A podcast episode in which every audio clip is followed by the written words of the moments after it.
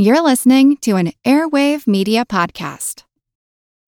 When you need mealtime inspiration, it's worth shopping Kroger, where you'll find over 30,000 mouthwatering choices that excite your inner foodie. And no matter what tasty choice you make, you'll enjoy our everyday low prices, plus extra ways to save, like digital coupons worth over $600 each week. You can also save up to $1 off per gallon at the pump with fuel points. More savings and more inspiring flavors make shopping Kroger worth it every time. Kroger, fresh for everyone. Fuel restrictions apply. Lucky Land Casino asking people what's the weirdest place you've gotten lucky? Lucky? In line at the deli, I guess? Aha, in my dentist's office. More than once, actually. Do I have to say? Yes, you do. In the car before my kids' PTA meeting. Really? Yes. Excuse me, what's the weirdest place you've gotten lucky? I never win and tell. Well, there you have it. You can get lucky anywhere playing at LuckyLandSlots.com. Play for free right now. Are you feeling lucky? No purchase necessary. Void where prohibited by law. 18 plus. Terms and conditions apply. See website for details. This is Kick-Ass News. I'm Ben Mathis. I want to tell you about a new podcast called Outside the Box. If you're a maker, a doer, an innovator, or even just a consumer who wants to get a peek behind the curtain of some of the world's greatest organizations, you should check it out. The first episode features conversations with presidents and CEOs from organizations like the World Wildlife Fund, Feeding America, and more.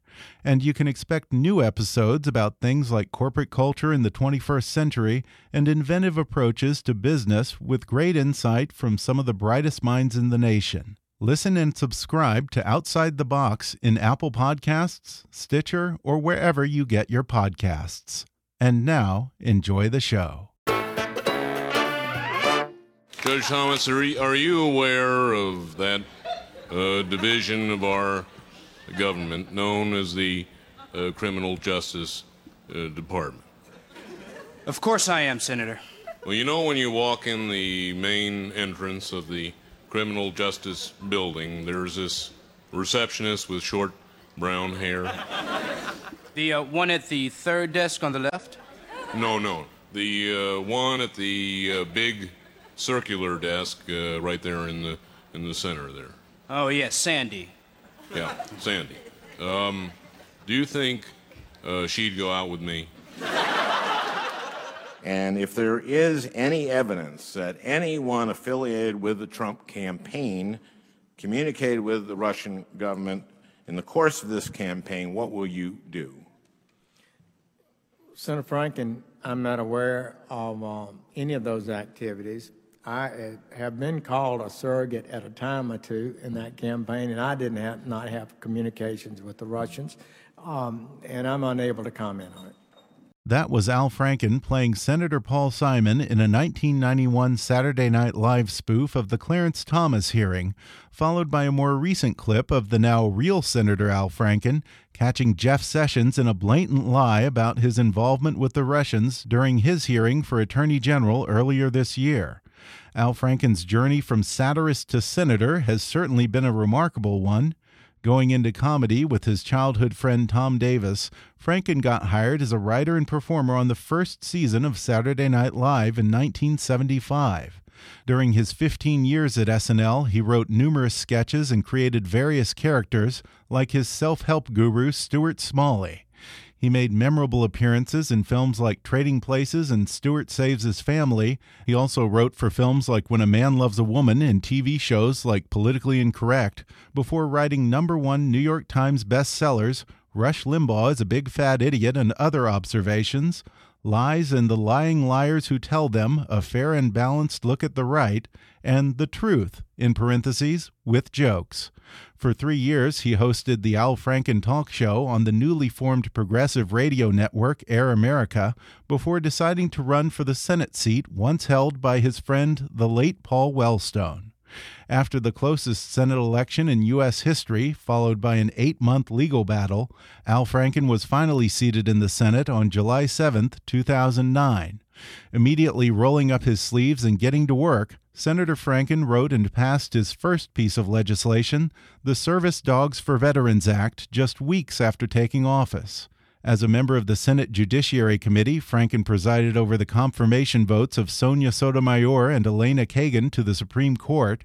A member of the Health, Education, Labor, and Pensions Committee, he was one of the strongest advocates for the Affordable Care Act and played a key role in reforming No Child Left Behind. Franken also serves on the Energy and Natural Resources Committee and the Indian Affairs Committee, and he's been a leader on issues like financial reform, Native American rights, women's rights, mental health, and addiction. In 2014, the people of Minnesota re-elected him to the Senate by a 10-point margin, and now he says he can finally afford to crack a joke now and then. He does so with his signature mix of political satire and serious policy in his new number one bestseller, Al Franken, Giant of the Senate. Today, he joins me to talk about his evolution from comedian to U.S. Senator, how he learned to keep his comedic instincts in check and listen to his staff, and some of the things he's wanted to say, but didn't until now. He talks about working on the first season of Saturday Night Live, his memories of cast members like Chris Farley and John Belushi, and why he says Lorne Michaels was right not to make him the anchor of Weekend Update. He recalls his first Senate campaign, how Republicans put his past jokes through what he calls the dehumorizer, and how he gradually won over Harry Reid, Chuck Schumer, and the Democratic establishment. He discusses his confrontational exchange with Jeff Sessions during his Senate hearing for AG, doing comedy routines with his Republican colleague, Senator Pat Roberts, and why he says Ted Cruz is a toxic coworker. Plus, Al Franken shows how he sings for his supper with the fundraising song. Coming up with Senator Al Franken in just a moment.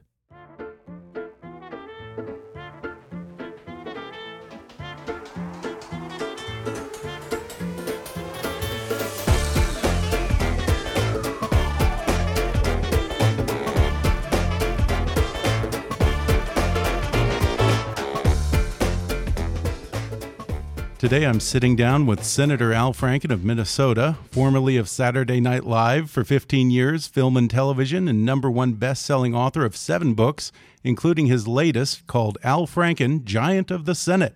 Senator Giant, thanks for joining me on the podcast. Yeah, uh, you call me Senator Franken. okay. Oh, okay. Mr. Giant? Uh, you uh, just Al. Okay. Be fine. I'm not that comfortable. I'll call okay, you Senator. Senator Franken. Senator. Senator is good. Well, I really enjoyed this book. You know, it sort of takes the opposite of the typical political bio where a candidate has all of his humanity focus grouped out of him and then suddenly hits his stride when he learns to just be himself and trust his instincts. You're the opposite. So much of this book is about you learning to ignore your instincts and trust your political consultants. yeah, I had to, you know, I, I, it was unusual for someone to run for the Senate uh, as their first o- um, office. And, uh, and, you know, there's two schools of kind of people who run for higher office the first time they run later in life who've come from another career. And it usually is uh, there's the one school is I was successful in my uh, my first career for a reason. I know uh, what I'm doing. I'm smarter than everybody else. Uh, I trust my gut, and uh, I'm going to ignore everybody else, and that yeah. that works for. That doesn't usually work unless I guess it, run, it works, works, for, the president apparently. Uh, if if you get a little help from the Russians, it does. Yeah, and uh, then there's uh, the other the the other way it's been successful, which is I know what I don't know. I'm. Mm-hmm. I'm smart about that. I I know what I don't know, and I'm going to uh, ask people who have done this before and take advice from them. I'll ignore some of it, but I'll, uh, um, you know, I, I, I, don't know how to do this. Yeah. And uh, so I, I did take, uh, I did get some really good professionals who worked on Paul Wellstone's campaigns, and uh, and I um, felt in very good hands. You made it through your first term now. You made it through the reelection in 2014. Does this book in some ways represent I guess you letting your hair down a little bit and God forbid allowing yourself to be funny again?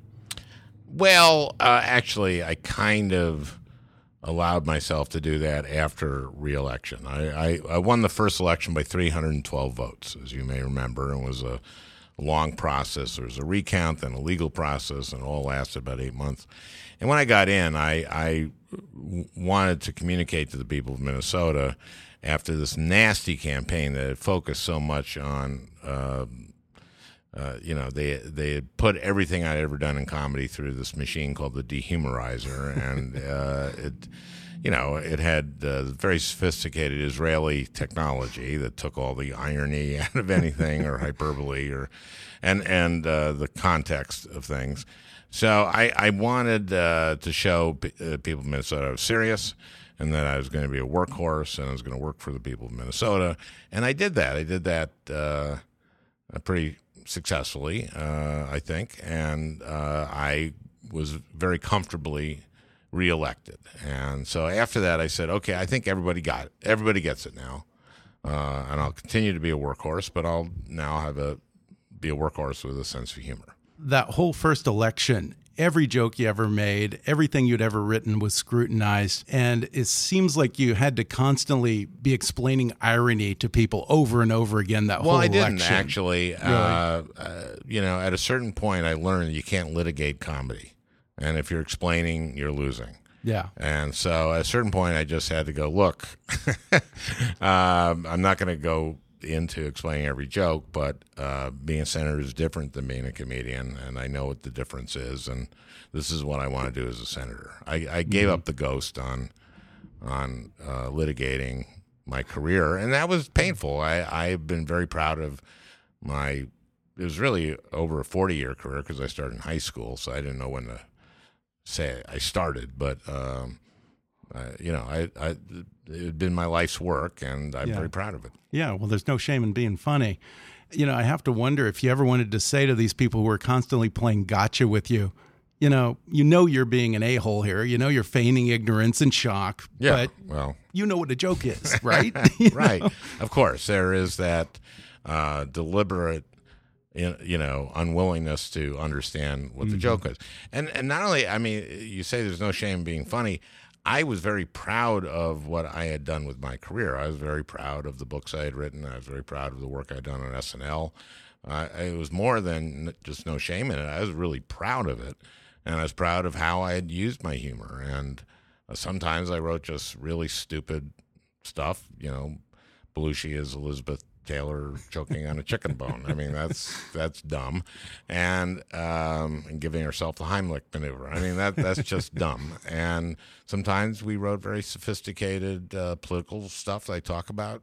Did that with a lot of people on the show. Jim Downey, uh, who was a very thoughtful, uh, smart conservative. Uh, he and I wrote a lot of stuff together. Um, and I felt, and I talk about that in the show. I talk about the SNL years and what it, but it, but it was more than just. I, I, I was extremely proud of my career, and yeah. so it was like uh, very difficult to go like, okay, I'm not going to explain it anymore. I'll just just go with what I want to do in the Senate, and I don't have to defend anything. Well, yeah, I want to talk about that pre Senate career. You were on Saturday Night Live for, I think, 15 years from the very first season. What was it like as they were trying to figure out just what this thing was going to be? It must have been totally chaotic but exciting, I imagine, on that first season. It was. I mean, we the if you look at the first show, it's very different and, uh, than what the show became, and it evolved very quickly. Um, but it was funny. I write in the book that I was kept telling Tom we we got the job to be we were Tom to the Davis, original Tom Davis, Tom right? Davis, Frank And and, childhood Davis. friend. Yes, we uh, went to high school together and we started doing comedy in, in high school. Did this uh, uh, revue theater in Minnesota. We're um, so, uh, but I was telling him like after we were there a few weeks and we had the cast was forming and Belushi came in. We uh, Aykroyd and Gilda uh, were uh, were I think and maybe Laraine were the first hired as cast members, and then Garrett and and Chevy. Uh, Chevy was a writer. Uh, I think uh, Garrett was a writer too. Uh, originally hired as a writer, and um, then Belushi did his audition as a samurai, and uh, we had writers like Mike O'Donoghue who had been one of the creators of National Lampoon and was very uh, highly regarded for his very dark, very dark humor. Yeah. And um, I remember telling Tom, I like, we're this is going to be a hit. Now I was I was 24, Tom was 23. Uh, we had never worked on any on a show before. There's no reason ever to believe anything is going to be a hit. Yeah. But I said, look, this, you know, and and we had uh, an agent who saw us in L.A. here in Hollywood at the Comedy Store asked us to write stuff because he liked our writing, and we sent a package in. But we sent a package to a show that didn't exist for a show that didn't exist. We actually submitted a uh, a newscast, a commercial parody, a sketch, and a film, and it was uh, like 15 pages long. It was 14 pages submission, but um, it it was very much what the show w- would would become. And I just I just told Tom, We're, this is going to be a hit, and it's just uh, stupid for anybody to be that arrogant at that age. And uh, but it was, But it was, yeah. but it was. Uh, you know, and I always ask SNL alums about Lorne Michaels because I feel like he's a little bit like Keyser Söze. You know, everyone gives you a different version of the exists. guy. Lorne yeah, but you know, uh, some say he's this fatherly mentor. Some portray him as some kind of cruel Machiavellian guy throwing artists into the gladiator pit to duke it out. Yeah. You knew him from the very start, the young Lorne Michaels. What was your impression of him? Well, uh, Lorne uh, had been part of a team um, in right, Canada. right? Like you guys. Yeah, the Hart and Lorne uh, show. They had a show in on uh, the CBC, and then I think uh, Hart Pomerantz um, decided I'm. I think I'm going to be a lawyer. I'm not going to do this comedy thing, and so Lorne suddenly goes off to L.A. and does Laugh-In and produces Lily Tomlin specials and as our show. But because Tom and I were a team, I think he was kind of looking out for us. So we felt a very sort of, you know, paternal feeling Okay. coming from him. And, um, you know, I, I think that uh, the show has such a, uh, so much pressure, SNL, I, the show.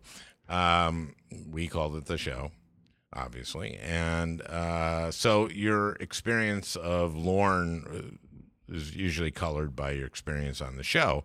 Mm-hmm. And I had ups and downs, and, and I left the show finally. I, I was there the first five seasons, and I left. And You then left came with back Lorne, right? With Lorne, Yeah. and then came back in 1985. as a Lorne again writer, and Tom and I were back, and stayed for another 10 years. And then I left because I wanted to do Weekend Update, and I didn't get it. And I said, okay, you got to, you know, Lorne had created a very uh, safe place to work for for, and there are always frustrations on the show, um, but I, I felt like there's nothing better than writing something on a Tuesday night or Wednesday morning and getting it and having a kill on a Saturday. So Yeah. there's just kind of nothing like that. Uh, but I felt like it was uh, it was time for me to leave, and I thought actually Lorne and Don Ohlmeyer, who was the head of NBC at the time, made the right decision going with Norm Macdonald. As I write, I write about this in the book, and I, I had basically shown my uh, that I was a, a liberal, that I was a progressive in stuff I had done outside the show. Stuff on the show that we did, we felt it was not the job of the show to have a political bias. And whereas maybe most people, most of the uh, writers and performers on the show had your, you know, kind of standard Hollywood liberal bias or New York Hollywood liberal bias. Uh, we just, it, it was not the job of the show. Uh, Jim Downey, again, I bring him up because he probably uh, had more to do with the uh, political satire and the history of the show than anybody. Right. He Uh, was a Republican, right? He's a conservative. Conservative. I, am not sure he's a Republican, but he's conservative, but very thoughtful. And we just felt that the job of the show was to do well observed, smart, um, uh, you know, comedy, satire uh, that uh, you know didn't punish you for not knowing stuff, but reward you for knowing things. We're going to take a quick break, and then I'll be back with more with Senator Al Franken when we return in just a minute.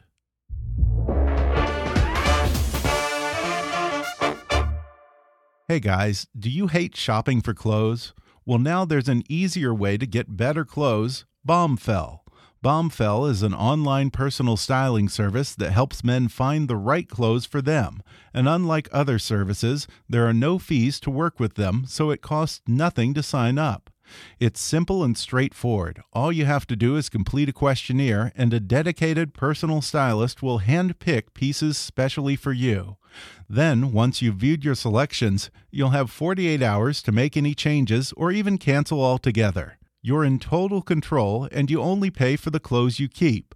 Plus, you have the option of receiving clothes once every one, two, or three months because Bombfell is on your side and they don't make money if you don't find something you want to keep. I just got my first order from Bombfell. I gave my stylist my measurements and answered just a few questions about my style and what I like. He came back to me with a hand picked outfit just for me. My stylist selected a beautiful sports jacket made out of high quality linen, perfect for the summer, along with a button down and a polo shirt that go great with my new jacket or on their own. I was able to change the color if I want, and if I'm ever not in love with the selection, I just say so, and my stylist comes back to me with a totally new selection. And these weren't some weird off brand items. We're talking quality, fashionable clothes that fits great.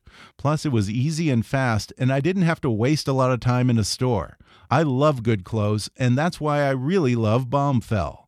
Best of all, I've negotiated with Bombfell to get my listeners a special offer of $25 off your first purchase when you go to bombfell.com slash kick. That's Bombfell, spelled B-O-M-B-F-E-L-L dot com slash kick. And now, enjoy the podcast.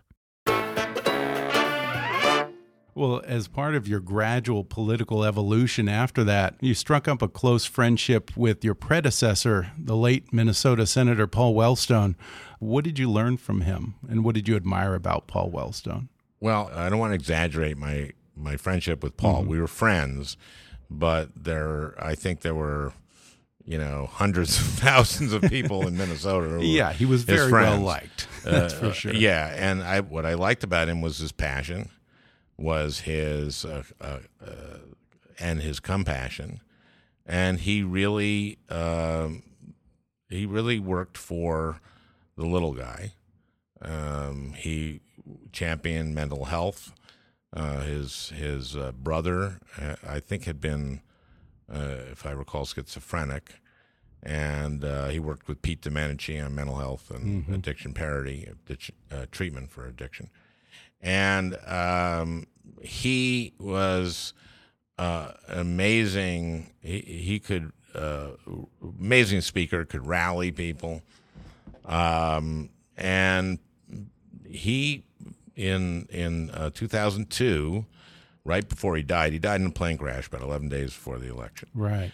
Uh, with his wife, with his daughter, with uh, uh, three aides and 2 two two pilots, and that was a huge, Yeah. uh, cr- crushing blow to Minnesotans and to, especially to Democrats in Minnesota, to DFLers. And I remember the memorial service. That was all over the media, and Well, Republicans and- tried to make political hay out of that. Yeah, and I wrote Yeah. about that. At uh, there's a chapter in Lies and Lying Liars uh, who tell them a fair and balanced look at the right uh, about that and how it was uh, really used by Republicans and by the Mhm. right, and successfully. Uh, and Norm Coleman won because of actually the way it was portrayed and. Uh, kind of what got me involved in, or what got me interested in actually running was um, a few months after he got into office, Norm Coleman did a uh, interview, a, a profile with uh, Roll Call magazine, and uh, in it he said, um "I'm a 99% improvement over Paul Wellstone," and uh, that did not sit well with me, and that was the first I w- I read that and I said, I wonder who's going to beat this guy. Mhm. Except I didn't say guy, but um, and Did you think it might be you? yeah, it was the first time I ever considered running for office, and that's a really bad reason to run for office is that you don't like a guy. But um, uh, it became more and more about uh, improving people's lives, which is what Paul said the politics was about. He says it's not about uh, winning for the sake of winning. It's not about power. It's not about money. It's about uh, working to improve people's lives, Mhm. and it became very apparent. I was I started doing a radio show uh, on Air America, moved the radio show out to Minnesota, and then I started d- going around the state doing bean feeds, which is sort of the organizing principle of the Democratic Farmer Labor Party, and. Um, I had had Elizabeth Warren on the show who talked about that 50% of bankruptcies are caused by a, a health crisis. But when I went around Minnesota and heard from people and would go to a cafe or a VFW and saw flyers for, you know, a, a spaghetti dinner or burger bash for a family that had gone bankrupt uh, because of a health crisis, for Wow. someone got cancer. Uh, that's when it became personal because it was personal to the people of Minnesota, Mhm. and uh, so it became personal to me, and that's why right now one of the things I'm so focused on is defeating this uh, this bill in the Senate, uh, which is a terrible, terrible bill, which is basically taking health care away from people who need it the most, and in order to give a tax cut to people who need it the least. Yeah, you were a little bit of a soothsayer in this book because you actually predict in the book that by the time it's published, the GOP may have succeeded in repealing Obamacare, but they won't have replaced it yet. They haven't gotten it through the Senate yet, Well, but of course haven't- Trump is now saying, "Well, let's let's repeal and then we'll get around to it." Yeah, he's reversed So, himself on yeah. that, and I don't think they're going to do that. But I, I was saying uh, they have not shown any will, real willingness uh, to work substantively on on healthcare. And the ideas in the, in this one are are really uh, terrible, um, and and it's very bad. I'm the co-chair of the Rural Health Caucus in the Senate, and I go around Minnesota to uh, hospitals and nursing homes and clinics, and they hate this. They hate this. They hated the House bill. Um, this has the, the the bill in the Senate has seventeen percent approval, and that's the exact number of Americans who have uh, said they've seen a ghost. and I, th- I think there's a lot of overlap. Maybe. And it, it must be personal to you also because two of your biggest issues are addiction. You've had people in your life who've been touched with addiction. Um, Mental also health. mental I- I- mental health in general. Yeah. From your you're carrying the torch for Paul Wellstone on that as well. Yeah, I and those are two of the areas where people could slip through the cracks, I suppose. Yeah, well, we have an opioid uh, uh, epidemic right now, Mhm. and if you, uh, a lot of a lot of Americans are getting treatment through Medicaid, Mhm. and if you cut those people off Medicaid, they won't be able to get that that treatment. Um, so that's a really bad idea. Um, and yeah, I had my partner Tom Davis, uh, who uh, the late Tom Davis. He died uh, a few years ago of uh, cancer, not not of uh, addiction. Uh, but he never really got clean. And my wife uh, is a recovering alcoholic, and she did an ad for me. You know, the the uh, dehumorizer and the whole um, th- their whole campaign was really going after me.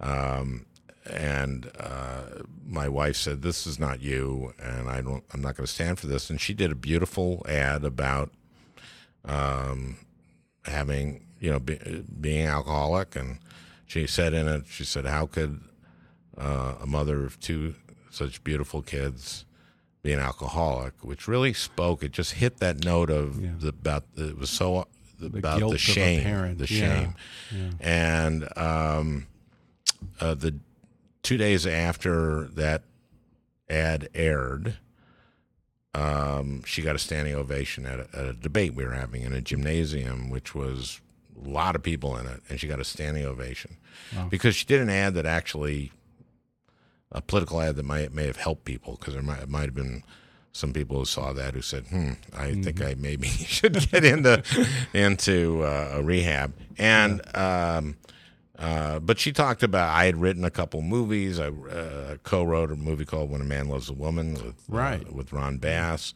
about alcoholism and the family, uh, the codependency aspect of that. And then I wrote, I had that character Stuart Smalley, which was about that. And we did, I did a movie that, with Harold Ramis uh, directed it. It was his least successful movie ever, but it still played at rehabs and in family programs and Yeah. stuff like that. And I'm very proud of, of both movies.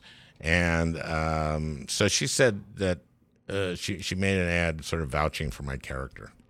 Yeah, and one of the most touching stories that I read in here was you talk about your friendship with Chris Farley and how you created this sketch, the rehab guy, which I can The still relapse guy. a relapse guy, Yeah, which I can still guy. remember.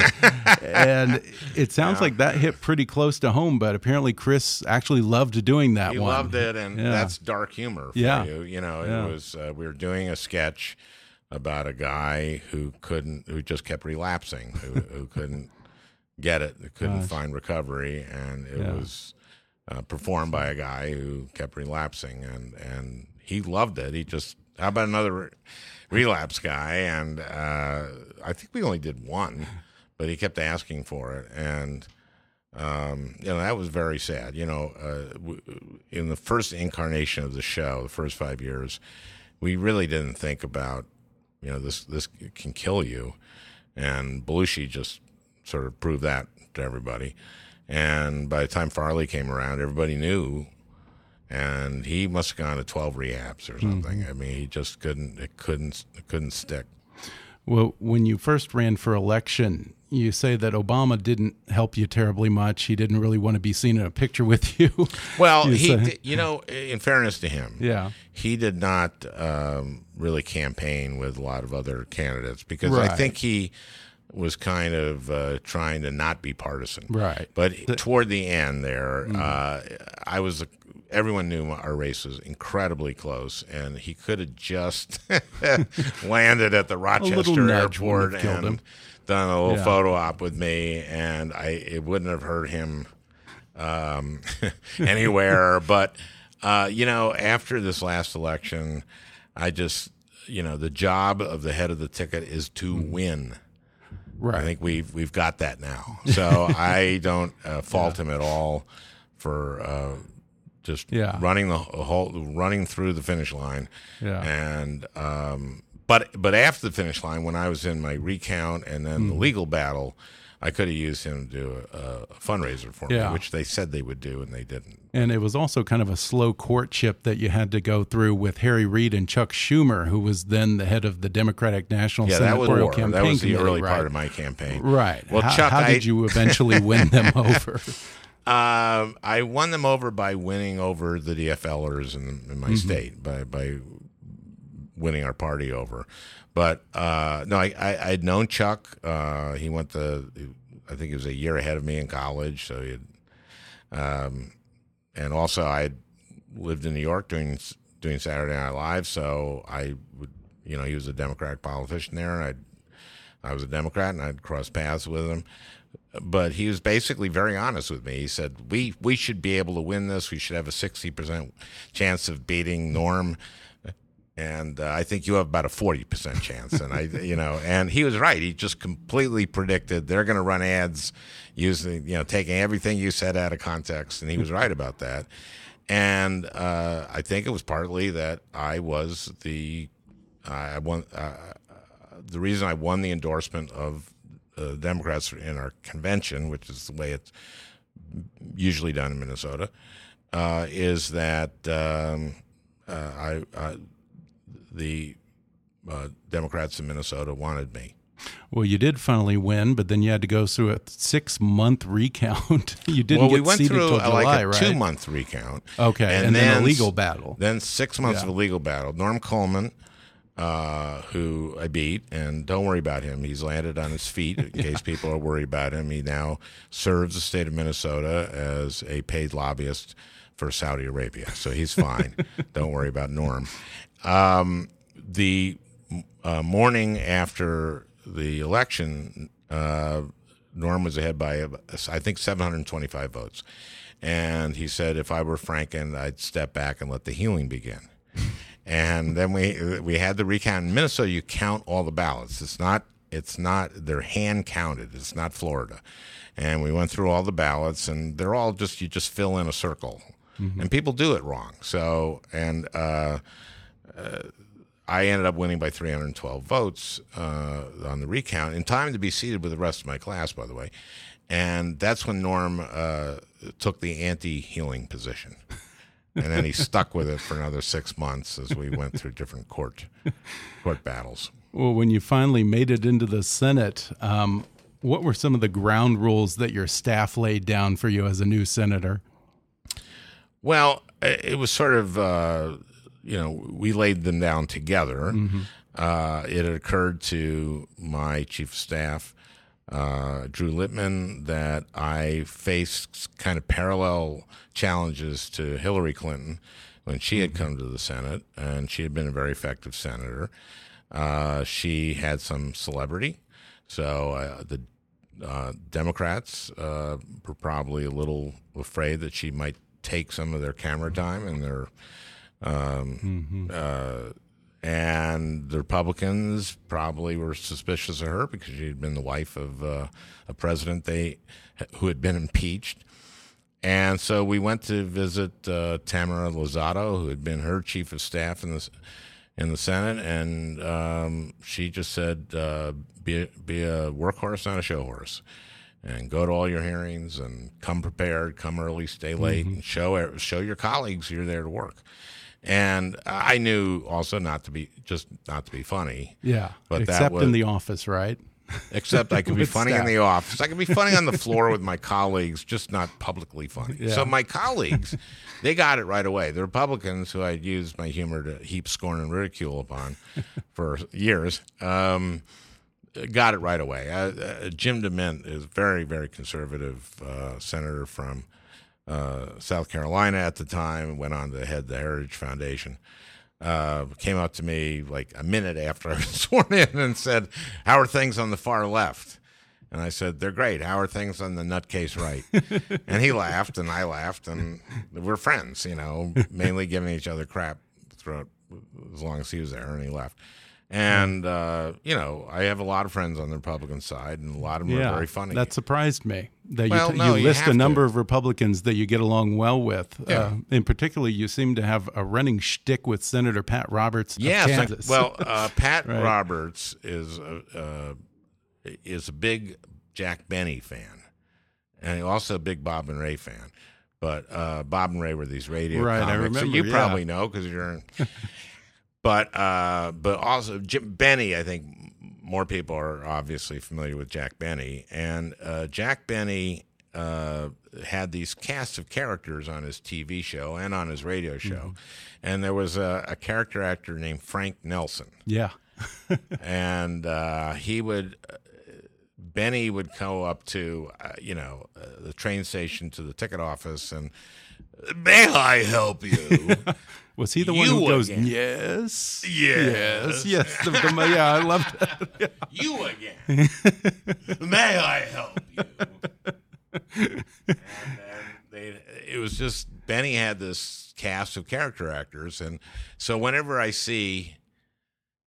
you guys should Pat, take it on the road. Uh, well, no one knows what we're doing. Yeah, you know. so true. I just see, I just see Pat and I go, "May I help you?" and everyone's going, "What the hell are they? Why are they having so much fun?" Pat and I work together. Yeah. And, and on the other hand, you describe Senator Ted Cruz as a toxic coworker. What do you mean by that? Well, he doesn't. I, there are a hundred of us in the Senate, and so it's uh, it's a workplace, and uh, each one of your senators is a coworker, and you really to get things done have to get along with each other. And uh, I write a chapter about Ted.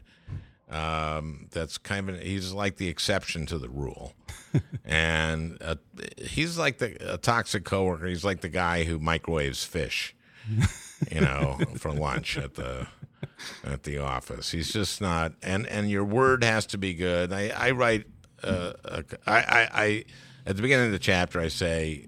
Um, this is you know what you should understand about Ted Cruz is that I like Ted Cruz probably more than most of my colleagues like Ted Cruz, and I hate Ted Cruz.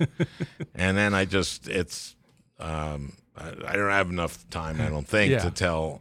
Uh, but it's in the book. Get the book. Al Franken, Yeah. Giant of the Senate. I have to bring up Sessions then. One of the most memorable exchanges you had was with Jeff Sessions during his confirmation hearing for Attorney General.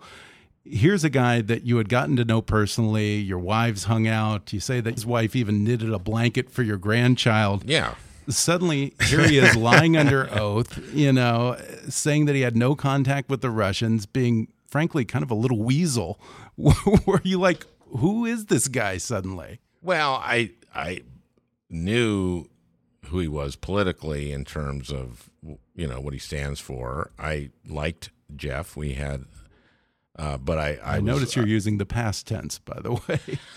Well, I, I think that we're our friendship uh, has uh, has been strained by the uh, confirmation process, and I actually I asked him uh, a question where I, I basically asked him if it turns out that members of the Trump campaign had ties, you know, continuous ties with the Russians during the campaign, what would you do? Meaning, would you recuse yourself? And he said, well, I didn't have tie. I, I didn't have any communications with the Russians, and that turned out not to be true. right. Now, The Russian ambassador. yeah, That's a Russian, right? the Russian ambassador Sergei uh, Kislyak Kislyak. is He Russian. counts? He counts. Okay. And he met with him at least twice that we know of. Not a guy who's easy to forget either.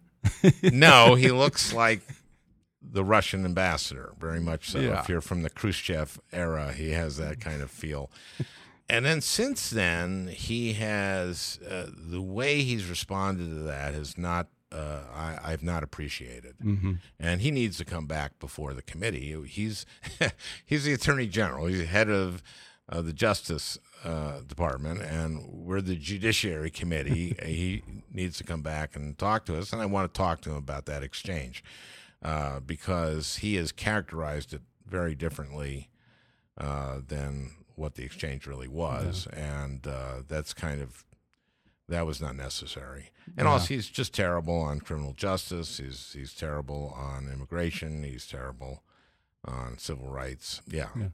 Well, before we go, I have to say, whenever I think of being a politician, the one thing that's least attractive about it to me is the idea of having to go to every cocktail reception and listen to every guy willing to write a thousand dollar check tell you how to do your job. I'm so glad to finally see someone in the Senate be honest about the misery and drudgery of fundraising. And you say that you even make a song out of it when you have to do donor calls. Well, that's Could you give us the song before we yeah, go? that's good. Someone uh, finally asked me that for audio. Uh, what I do is uh, I have a thing called uh, call time, the musical, and call time is when you call people for for money, basically. And so you usually just you call people have uh, money, have a lot of money, and um, very often you don't get them, and you leave a message. And so I have a song for that. That's the it's the song you hear the most during Call Time the Musical, which is I left a message. Oh, yes, I did. Ah, ah, I left a message. I do not kid. No. I left a message on the phone. I left a message. He was not home, home, home, home, home, home, home, home, home, home, home. And and uh, it's there's different versions of it, and uh, in my mind's eye, there's a chorus. Oh, yeah? Yeah, and it's uh, it has uh, guys on stilts and um, acrobats and uh, chimpanzees. Okay. on Okay. on, on uh, tricycles. he left a message. Oh yes, he did. Yeah, you know. And uh, someday we're going to mount Call Time the mu- musical Okay. while I do Call Time. well, I can't wait to see a it. theater in Washington. or maybe we'll just take it to Broadway, but that might be post my Senate career. Any thoughts of 2020? Uh, we're gonna, you know, have a lively process, I think, and get a great candidate, and it ain't gonna be me. Okay.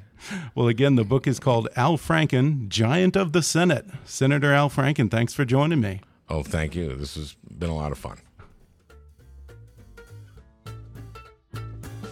Thanks again to Senator Al Franken for joining me on the podcast. Order Al Franken, Giant of the Senate on Amazon. or download the audiobook for free with a special promotion just for our listeners at audibletrial.com slash kickassnews. Keep up with him at franken.senate.gov and follow him on Twitter at, at alfranken. Be sure to subscribe to Kickass News on iTunes and leave us a review while you're there. Don't forget to take our listener survey. It only takes five minutes at podsurvey.com slash kick. You can visit Kickass News on Facebook and follow us on Twitter at, at KickassNewsPod. And be sure to recommend Kickass News to your friends on your social media. And if you really want to help out, then donate to our GoFundMe campaign at gofundme.com slash kickassnews or click on the donate button at kickassnews.com. As always, I welcome your comments, questions, and suggestions at comments at kickassnews.com. For now, though, I'm Ben Mathis, and thanks for listening to Kickass News.